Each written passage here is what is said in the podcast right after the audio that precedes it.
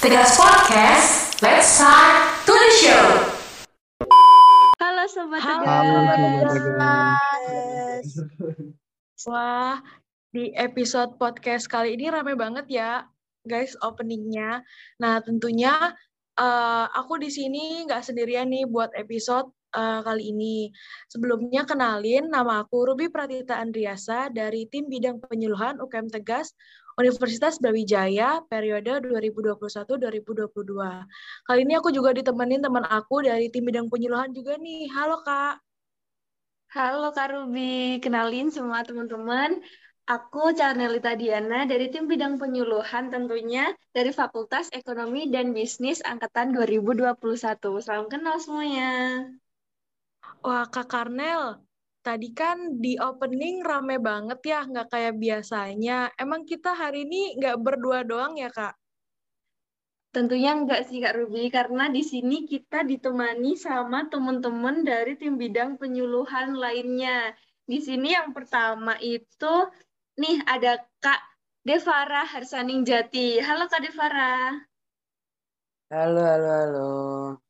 Mungkin bisa kita sama-sama dulu ya Kak Ruby ya. Oke, halo Kak Devara. Gimana nih Kak kabarnya? Alhamdulillah baik sih. Alhamdulillah. Mungkin bisa perkenalan dulu nih biar Sobat Tegas nih tahu Kak Devara ini tuh dari fakultas apa sih dan angkatan berapa? Oke, halo teman-teman semuanya, sobat tegas yang ada di rumah. Eh, kenalin nih, aku Devara Saninjati, biasanya dipanggil Devara eh, dari Fakultas Ilmu Administrasi angkatan 2021 dari tim bidang penyuluhan. Salam kenal semuanya. Salam kenal Kak Devara. Salam kenal Kak Devara. Mungkin Kak Karnel aku bisa lanjut ya. Di sini ada Kak Vina Asofa Agustin. Halo Kak Vina. Halo Kak Ruby, halo semuanya. Kita tanya-tanya dulu nih ya Kak Karnel, Kak Vinanya. Iya, boleh banget Kak Ruby. Oke, mungkin sama kayak Kak Devara tadi ya. Eh, bisa perkenalan dulu nih Kak, jadi biar teman-teman tahu dulu nih. Halo semuanya, kenalin aku Vina Asofa Agustin, biasa disapa Vina dari Fakultas Vokasi dari tim bidang penyuluhan UKM Tegas di kelas 19. Salam kenal semuanya. Salam kenal juga Kak Vina. Wah, udah kenalan sama Kak Vina. Kita selanjutnya ada di eh, ini, ada Kak Muhammad Khairul Umam. Halo Kak Umam. Halo Kak Karnelita. Oke, sama kayak Kak Devara sama Kak Vina tadi, silahkan buat Mas Umam nih untuk perkenalan. Oke, sebelumnya aku mau nyapa dulu nih teman-teman dari Sobat Tegas. Halo Sobat Tegas, kenalin aku Muhammad Hairul Umam, biasa dipanggil Umam. Aku dari tim bidang penyuluhan UKM Tegas Universitas Brawijaya 2021-2022. Aku dari Fakultas Ilmu Administrasi angkatan 2020. Salam kenal semuanya. Salam kenal Kak Umam. Oh ya, Kak Karnel tahu nggak? Kak Umam ini pinter pantun loh Kak. Heeh, bener banget Kak Ruby. Mungkin Kak Umam ada udah nyiapin pantun nggak buat menyapa Sobat Tegas nih? Wah, dadak banget nih Kak. Bentar ya, aku mikir-mikir dulu ya. Oke. Kayaknya kalau buat pantun Kak Umam jago ya. Mungkin kita sambil nunggu Kak Umam bikin pantun, kita next ke Kak Hairunisa kali ya. Halo Kak Hairunisa. Mungkin Halo. boleh perkenalan dulu Kak. Oke, eh, perkenalkan nama aku Hairunisa, biasa dipanggil Nisa dari bidang penyuluhan. Aku dari Fakultas Perikanan dan Ilmu Kelautan angkatan 2021. Salam kenal. Salam kenal juga Kak Nisa. Oke teman-teman, sebenarnya tuh eh, tim bidang penyuluhan ini ada 10 orang ya Kak Ruby. Tapi berhubung eh, ada beberapa yang berhalangan untuk bergabung bersama kita di podcast kali ini, yaitu ada Kak Nanda, ada Kak Dani, ada juga Kak Alifa, sama Kak William. Mungkin mereka titip salam nih buat sobat-sobat tegas yang mendengarkan podcast ini.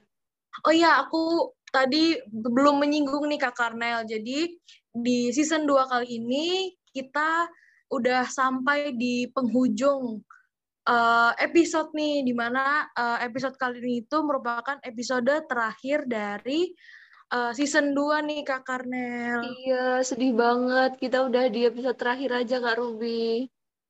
Jangan sedih-sedih dong, kan masih ada season berikutnya. Aku mau nanya-nanya dulu nih ke teman-teman dari tim bidang penyuluhan. Kan uh, mereka udah bergabung di Tegas itu kurang lebih selama satu tahun ya, Kak Karnel pun hmm. juga kan. Aku penasaran sih uh, apa yang ngebuat uh, teman-teman dari tim bidang penyuluhan itu mau uh, bergabung di Tegas. Mungkin aku mau nanya ke Kak Vina dulu deh. Halo Kak Vina, gimana nih Kak? Kak Ruki. Jadi di tim jadi di Tegas ini kan aku tergabung dalam tim bidang penyuluhan dan di penyuluhan ini udah hampir setahun atau seperiode ya Kak Ruby. Pastinya banyak banget pengalaman-pengalaman seru yang nggak bisa didapetin di organisasi-organisasi lain. Di penyuluhan ini bisa ketemu teman-teman yang keren, bisa sharing, bisa cerita dan juga menambah pengalaman pastinya pengalaman kita nyuluh, pengalaman kita ke sana ke sini ke desa dan lain-lain, itu itu adalah suatu pengalaman yang nggak bisa didapetin di organisasi lain. Dan di sinilah uniknya tegas yaitu di penyuluhan. Kita bisa bercerita dengan mengangkat tema-tema baru yaitu mengenal yaitu di Tegas Podcast karena kan di Tegas, di Tegas Podcast kan selalu mengangkat berita-berita yang up to date kayak gitu. Wah, ber ber berarti uh, dengan Kak Vina join Tegas itu banyak uh, output yang didapat gitu ya Kak. Jadi mulai dari pengalaman-pengalaman baru, terus tuh teman-teman baru sama uh, hal baru yang emang belum pernah didapetin selama kakak di perkuliahan gitu ya. Bener banget Kak Ruby. Jadi bisa ketemu teman-teman seperti kalian yang notabene dari fakultas-fakultas lain yang berbeda. Jadi kan menambah banget nih, menambah buat sharing-sharing ilmu dan oh ternyata dari teman-teman yang ini aku bisa belajar mengenai hal ini, hal itu yang nggak bisa aku terima di perkuliahan. Oke, keren banget nih teman-teman dari Kak Vina. Jadi semakin menambah uh, motivasi gitu. Ya, bener nggak Kak Karnel? Iya, benar banget Kak Ruby. Apa yang udah disampaikan Kak Vina tadi. Aku juga setuju banget sih. Oke, mungkin buat alasan mengapa uh, ada beberapa teman-teman di sini untuk join Tegas, aku mau ke Kak Umam sih. Halo Kak Umam. Halo Kak Karnel. Oke, langsung aja ya. Jadi, uh, kenapa sih aku kok bisa terjun atau bisa kecimpung masuk di UKM Tegas Universitas Brawijaya ini? Jadi, uh, aku masuk di UKM Tegas ini kan apa ya, awalnya kan masih pandemi COVID-19. Nah, nah aku tuh memperkirakan kalau satu semester lagi itu pasti offline. Nah, gimana caranya ketika aku nanti di Malang, itu aku nggak gabut, nggak cuma di kosan, cuma uh, kuliah pulang, kuliah pulang aja. Jadi aku kayak berpikiran gitu, seenggaknya nanti kalau offline aku harus ikut nih UKM di tingkat fakultas ataupun di tingkat uh, universitas.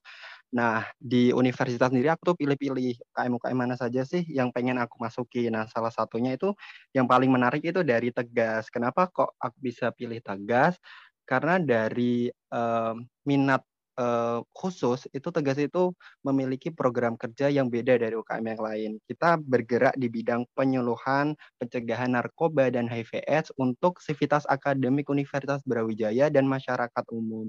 Jadi itu sih Kak alasan aku kenapa bisa masuk Tegas gitu, ingin menambah pengalaman terutama di uh, di bidang penyuluhan, bagaimana caranya kita agar menjadi seorang penyuluh yang baik untuk menyampaikan informasi tentang pencegahan dari bahaya narkoba dan HIV/AIDS kepada masyarakat umum dan kepada mahasiswa di Universitas Brawijaya.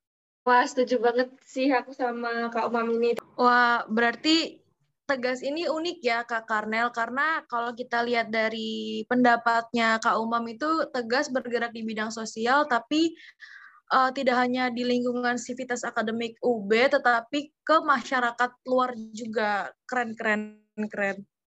Oke, mungkin aku kan tadi kita kan udah sampling nih ke teman-teman di bidang penyuluhan lainnya. Sekarang aku mungkin mau nanya ke Kak Karnel dulu nih. Kalau dari Kak Karnel sendiri tuh alasan masuk tegas apa sih Kak? Waduh, kalau dari aku jujur li aja nih, uh, Ruby kenapa aku join ke Tegas ini karena waktu itu aku pengen cari kesibukan gitu. Jadi kayak aku anaknya tidak bisa diam dan aku harus bersosialisasi dengan orang. Jadi kayak waktu itu apa sih UKM yang masih oprek dan bisa aku masukin sama sesuai dengan uh, potensi dalam diri aku nih Kak Ruby. Yaitu ternyata ada tegas ini karena juga aku orangnya suka berbicara kayak public speaking gitu di depan banyak orang. Jadi kayaknya tegas ini dengan bidang penyuluhannya ini bisa menjadi tempat aku buat mengembangkan potensi dalam diri aku gitu sih Ruby. Kalau dari kamu sendiri nih kayak apa sih yang mendasari kamu akhirnya nih mau masuk ke dalam tegas nih? Wah, keren banget ya, Kak. Kalau aku sendiri tuh kan kita waktu masuk pertama kuliah kan ada yang namanya ospek fakultas. Nah, di ospek fakultas waktu itu ada uh, penyuluhan gitu tentang narkoba dan HIV AIDS. Ada namanya Tegas. Awalnya aku kira dari pihak eksternal kampus. Tapi pada saat ada pengenalan UKM-UKM yang ada di Universitas Brawijaya, ternyata adanya ada namanya Tegas dan aku uh, tertarik gitu sama uh, topik yang uh, emang dibawakan sama UKM Tegas itu sendiri. Jadinya aku uh, bergabung dengan UKM Tegas. Gitu. Wah, iya sih benar benar banget kalau dulu itu ada penyuluhan-penyuluh apa ada penyuluhan di setiap fakultas. Jadinya aku juga tahu sih Kak Ruby kalau dari Tegas ini dulu melakukan penyuluhan di fakultas aku juga. Iya benar banget nih dan kita juga ini ya uh, udah udah melakukan penyuluhan-penyuluhan ke fakultas-fakultas juga nih buat buat sobat tegas yang belum tahu. Uh, benar banget. Mungkin karena itu salah satunya nih yang apa didapatkan dari penyuluhan ini Kak Ruby. Aku mau nanya dong sama teman-teman yang lainnya mungkin ada Kak Hairunisa. Halo Kak Hairunisa. Halo Kak Karnel. Halo Kak, halo Kak Nisa. Uh, aku mau tanya-tanya nih, kalau dari Kak Nisa sendiri nih, apa sih yang udah didapetin dari Kak Nisa ini selama tergabung dalam tim bidang penyuluhan ini, Kak Nisa? Uh, kalau dari aku, pasti banyak hal yang udah aku dapat dari penyuluhan selama ini. Cuma yang paling aku highlight itu yang pastinya teman-teman dan kakak-kakak yang saling support satu sama lain. Dan yang kedua, aku juga dapat sekali banyak pengalaman mulai dari nyuluh di desa, terus juga nyuluh-nyuluh di fakultas-fakultas gitu. Iya, berarti banyak dapat pengalaman yang emang nggak bisa didapetin uh, kalau dengan uh, kalau hanya dengan di dunia perkuliahan gitu aja ya Kak Nisa. Iya tuh, benar banget. Oke, gimana Kak Karnel? Iya. Ada yang mau ditanya lagi Aku mau kayak, aku setuju sih sama Kak Nisa ini bahwa kita ini kan melakukan penyuluhan-penyuluhan nih Kak Ruby, kayak yang udah disampaikan sama Nisa tadi.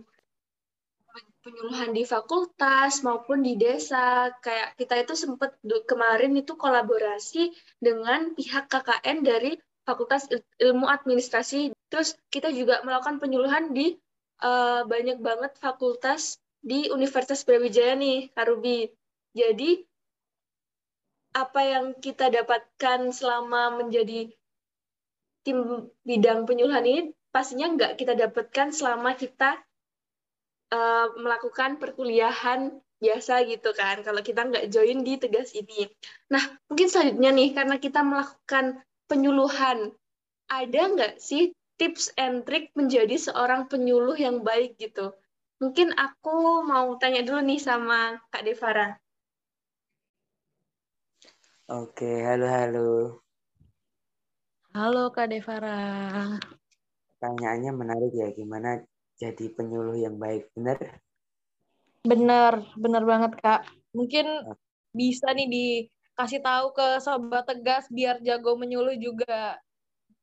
Oke uh, sebelum kita, eh, sebelum jauh ya, yang pertama yang harus dimiliki oleh seorang penyuluh itu adalah niat, kemauan, dan keberanian. Nah, kalau misalkan orang yang mau nyuluh belum punya ini, nanti hasilnya pasti akan di belakang itu nggak maksimal. Gitu. Jadi kita harus uh, yakinin dulu bahwa oke okay, kita mau nyuluh berarti kita harus prepare dengan apa pun yang akan terjadi. Oke, okay. yang pertama itu. Yang kedua, kita harus sudah uh, ready dalam hal materi. Apa yang kita mau sampaikan, apa yang kita mau uh, apa ya? Kita mau berikan kepada audiensnya itu apa? Yang kedua. Nah, yang ketiga itu waktu nyuluh kita harus tahu nih kondisi uh, dari audiens yang sedang kita suluh. Sebenarnya jadi penyuluh itu simpel kok teman-teman. Uh, kalau misalkan kita lihat dari komunikasi, kalau misalkan kita belajar dari uh, ilmu komunikasi bahwa sebenarnya penyampaian pesan kan menyuluh itu juga menyampaikan pesan kan ya. Itu intinya adalah ketika komunikator atau orang yang ngasih info itu uh, dan juga orang yang diberikan info itu saling paham sebetulnya. Jadi di sinilah pentingnya penyuluh itu harus harus bisa juga mengetahui kondisi dari uh, audiensnya. Nah, selanjutnya yang terakhir itu penyuluh juga harus memperhatikan bagaimana cara dia dalam memberikan penyuluhan gitu harus disesuaikan dengan kondisi uh, dan juga harus disesuaikan dengan uh, materi yang dibawakan juga seperti itu. Kalau dari aku tips menyuluh itu gitu simple sebetulnya nggak usah yang ah, aku nggak mau nyuluh deh kayaknya berat banget kok harus gini harus gitu enggak sebetulnya sebetulnya dibawa santai aja mudah kok gitu. Kalau dari aku sih gitu kak. Terima kasih. Wah, oke. Okay. Terima kasih banyak Kak Devara. Mungkin aku bisa mempersingkat lagi ya teman-teman. Jadi uh, sebagai penyuluh itu kita yang paling utama adalah harus menguasai materi dulu nih apa yang mau kita sampaikan. Dan yang kedua adalah kita harus tahu siapa sih um, sasarannya gitu, siapa audiens kita. Karena uh, tiap tingkatan audiens itu cara penyampaiannya juga berbeda-beda. Dan yang paling penting lagi adalah kita harus enjoy dalam melakukan uh, penyuluhan maupun uh, kita tuh ngomong di depan banyak orang gitu. Jadi biar para audiensnya ini nerima informasi yang kita sampaikan itu juga enak seperti itu. Oke, mungkin buat sobat tegas tahu nih ya. Jadi uh, podcast ini tadi udah sempat disinggung merupakan episode terakhir. Jadi aku mau review sedikit-sedikit nih uh, teman-teman uh, dari episode 1 sampai episode 7 nih kita udah ngebahas apa aja dan yang pastinya uh, banyak banget informasi-informasi baru yang udah kita peroleh. Oke, mungkin pertama aku mau review dulu nih ke episode 1 bareng Kak Karnel. Jadi di episode 1 tuh kita ada ngebahas apa aja sih Kak Karnel? Oke, kalau dari episode 1 nih, Kak Ruby yang aku dengerin di Spotify nih ya, bahwa di episode 1 nih kan kita mengundang narasumbernya itu ada Ketua Umum periode 2021-2022 ya? Yaitu iya, Kak Niken Arya. Nah, Kak Niken Arya di situ kayak ya ya udah dia memperkenalkan diri, dia memperkenalkan sebagai seorang ketua umum dari uh, Tegas ini, kemudian dia menjelaskan nih uh, Tegas ini bergerak di bidang apa gitu. Kayak ya penjelasan secara umum aja sih mengenai Tegas ini. Kalau dari Kak Ruby sendiri mendengarkan episode 1 nih kayak gimana sih Kak Ruby? Nah, oke. Okay. Jadi aku juga udah sempat dengerin dan kebetulan aku juga jadi podcasternya nih, Kak Karnel. Jadi uh, kemarin udah sempat ngebahas terkait NAPSA dan HIV/AIDS secara garis besar uh, dengan Kaniken gitu. Jadi kita juga menggali nih uh, Kaniken ini tahu sejauh apa sih sebagai ketua umum UKM Tegas terkait NAPSA dan HIV/AIDS. Jadi masih basic-basic gitu, Kak Karnel. Uh, oh, benar banget Kak Ruby. Mungkin karena untuk mempersingkat waktu, gimana kalau kita langsung lanjut aja nih, apa sih isi dari episode 2 podcast kemarin itu? Oke, mungkin boleh kita tanya ke siapa ya yang episode 2? Uh, mungkin bisa ke Kak Vina kali ya, Ruby. Oke, boleh. Gimana nih? Halo Kak Vina. Halo.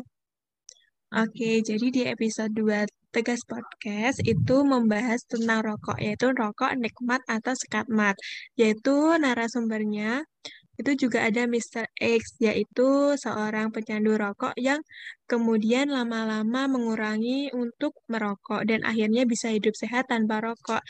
bisa didengerin ya teman-teman karena banyak banget nilai atau pola-pola hidup sehat yang bisa kita lakukan tanpa harus merokok kayak gitu.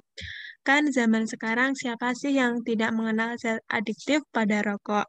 Yaitu kan suatu hal yang berbahaya. Nah, sebagai mahasiswa atau sebagai anak kuliah yang jauh dari rumah, jauh dari orang tua, kita kan harus bisa-bisa membentengi diri agar kita itu tidak terjerumus ke dalam hal-hal yang negatif. Salah satunya yaitu merokok karena dap selain dapat merugikan diri sendiri, juga bisa menghabiskan uang kayak gitu.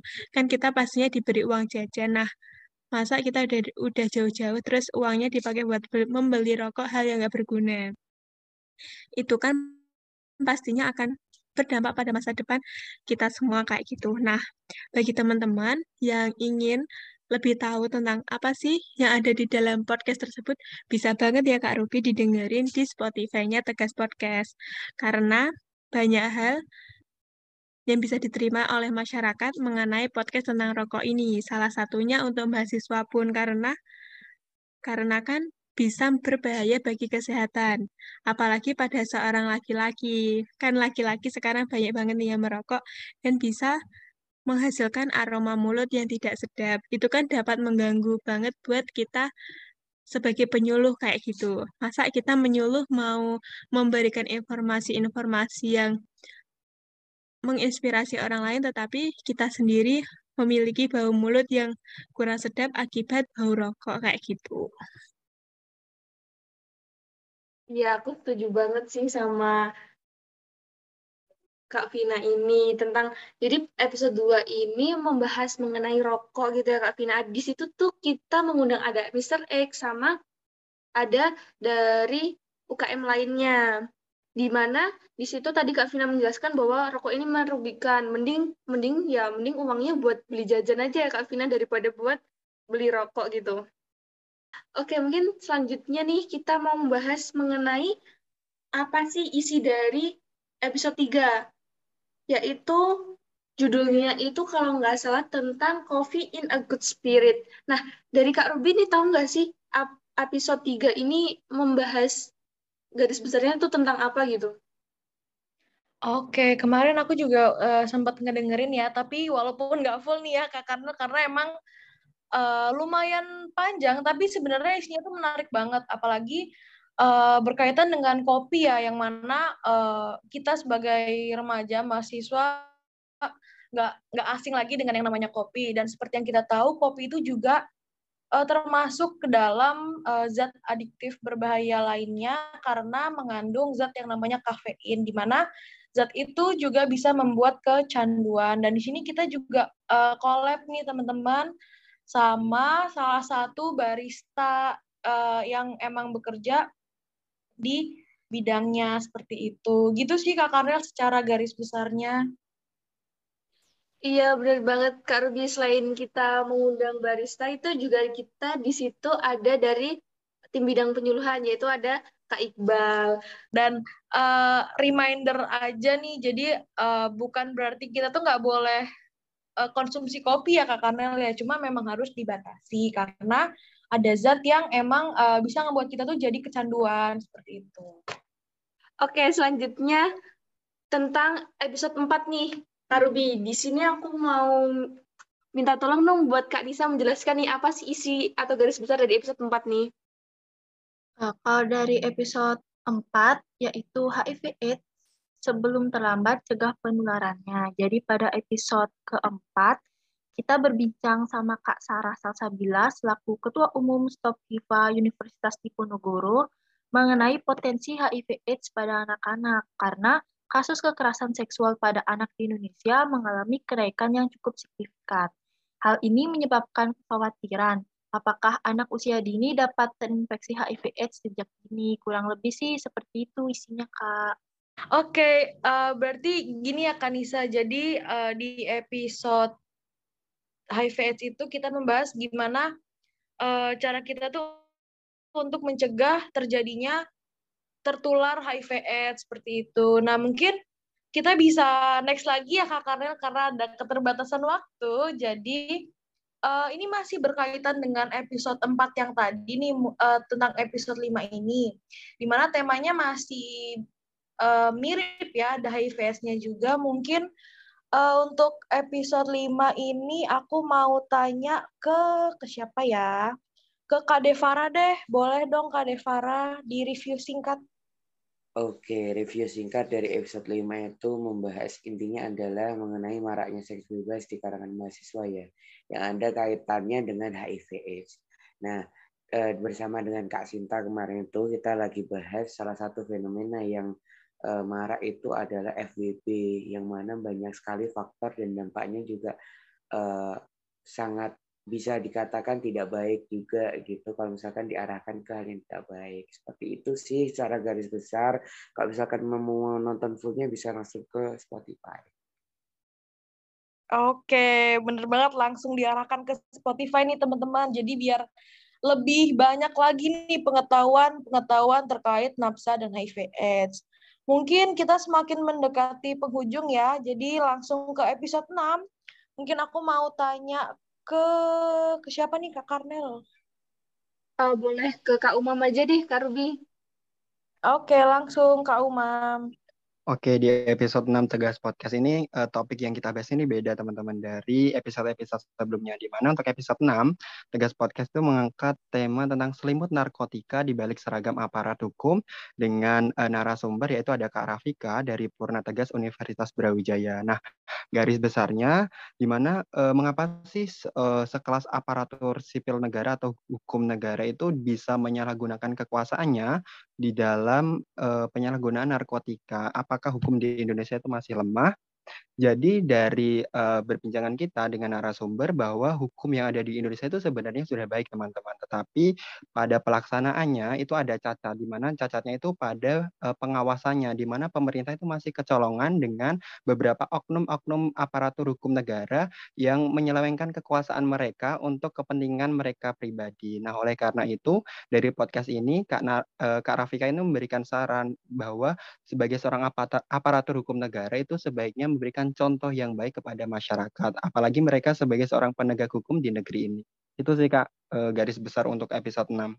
Benar banget. Mungkin nanti uh, untuk informasi lebih lanjutnya mengenai episode 6 bisa didengerin di Spotify juga ya. Nah, kalau tentang episode 7 nih mungkin bisa aku nih yang menjelaskan nih Kak Ruby. Kalau episode 7 itu kan uh, dengan judul itu urgensi tes urin di kalangan mahasiswa. Nah, di sini itu narasumbernya waktu itu tuh ada Kak Gufron, yaitu sebagai ketua bidang dari tim bidang penyuluhan nih. Di mana di situ Kak Gufron menjelaskan bahwa adanya miskomunikasi antara BEM seluruh Indonesia dengan aparat kepolisian, yaitu tentang pengadaan tes urin di kalangan mahasiswa. Di situ kayak Kak Gufron berpendapat bahwa ada masalah lain nih yang lebih dapat ditangani terlebih dahulu daripada mengadakan tentang tes urin ini, yaitu kayak misalnya masalah kriminalitas atau masalah uh, tentang perkembangan Indonesia gitu, pertahanan Indonesia kayak gitu sih Kak Ruby. Oke, iya sih ya Kak Karnel. Jadi uh, episode terakhir ini tuh memang di episode 7 tuh uh, masalah yang agak sensitif ya Kak Karnel karena uh, berkaitan dengan aparat huk aparat hukum dan uh, mahasiswa di mana emang dari teman-teman mahasiswa sendiri sempat ada miskomunikasi ya? Seperti itu. Tapi uh, sepertinya setelah uh, ada klarifikasi dari pihak terkait sepertinya sudah clear ya Kak Karnel? Iya benar banget Kak Ruby. Mungkin nanti ya teman-teman tentang episode 1 nih sampai episode 7 atau bahkan episode 8 nanti ini yang sedang kalian dengerin itu kalian bisa mendengarkan lebih lanjut di di Spotify Tegas Podcast nih Kak Ruby. Iya nih bener banget teman-teman. Jadi di situ udah lengkap banget ya. Nah Kak Karnel tadi kan kita udah ngobrol tuh lumayan banyak ya Kak. Dan ini udah sampai di season ter episode terakhir season 2. Uh, eh, mungkin aku mau nanya salah satu aja deh buat uh, harapannya buat Tegas ke depannya itu gimana? Mungkin boleh Kak Devara boleh deh. Oke, terima kasih ya. Intinya untuk tegas harapannya uh, better than before lah. Jadi intinya supaya bisa uh, grow up lebih baik, untuk berkembang lebih baik, dan juga mungkin ke depannya itu bisa memberikan manfaat kepada masyarakat yang lebih bukan masyarakat uh, masyarakat aja tapi terkhususkan untuk mahasiswa Universitas Brawijaya dengan baik seperti itu.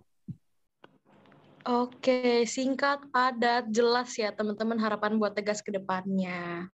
Oke, terima kasih banyak buat Kak Devara uh, atas harapannya nih. Semoga nanti uh, yang diharapkan dari Kak Devara dan teman-teman lainnya juga dapat terwujud buat Tegas ke depannya.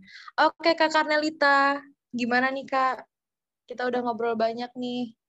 Iya, bener banget. Aku mau mengucapkan ke teman-teman nih ada Kak Devara, Kak Umam, Kak Vina, Kak Nisa, dan ada teman-teman yang berkelangan hadir, ada Kak Nanda, Kak Dani, Kak Alifah, sama Kak William. Uh, terima kasih buat waktunya selama menjadi tim bidang penyuluhan ini Kak Ruby dan sudah mau meluangkan waktunya untuk episode terakhir kita nih. Terima kasih kembali Kak Karnel. Oke, mungkin kita kita cukupkan sampai di sini perbincangan kita di episode terakhir di season 2 kali ini, Kak Ruby. Oke, teman-teman, terima kasih banyak semuanya. See you, di podcast selanjutnya.